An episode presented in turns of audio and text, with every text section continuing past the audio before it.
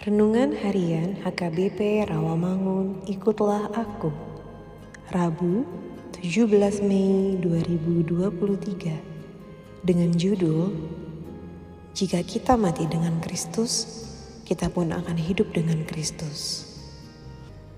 Bacaan kita pagi ini tertulis dalam 1 Timotius 6 ayat 11 sampai 16. Bacaan kita malam ini tertulis dalam Roma 13 ayat 8 sampai 10. Dan kebenaran firman Tuhan yang menjadi ayat renungan kita hari ini terambil dari 2 Timotius 2 ayat 11 yang berbunyi, Benarlah perkataan ini, jika kita mati dengan dia, kita pun akan hidup dengan dia. Demikianlah firman Tuhan. Sahabat ikutlah aku yang dikasihi Tuhan Yesus.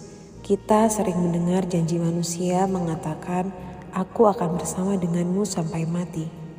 Namun tidak jarang perkataan tersebut hanya sebatas perkataan ketika ia sedang mengasihi atau sedang dekat atau bahkan perkataan tersebut keluar ketika menginginkan sesuatu dari yang ia harapkan.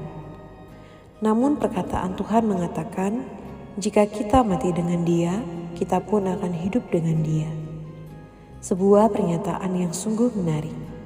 Semua hubungan di dunia ini tidak ada yang kekal. Semua hanya sementara seperti halnya dengan pernyataan manusia yang hanya bisa berjanji selama mereka hidup.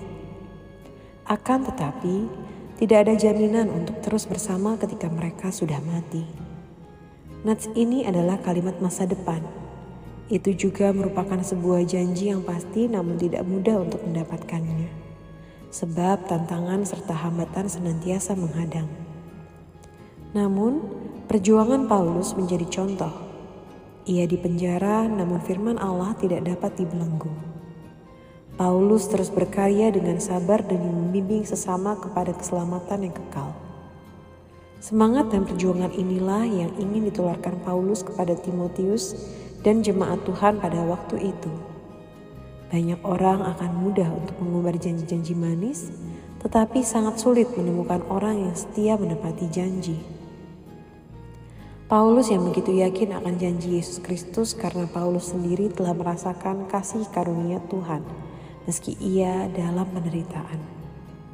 Akan tetapi ia yakin untuk bisa bersama Kristus dalam kehidupan yang kekal. Mari kita berjuang untuk menjadi pengikut Kristus yang melihat dan merasakan pengendapan janji-janjinya. Amin. Marilah kita berdoa.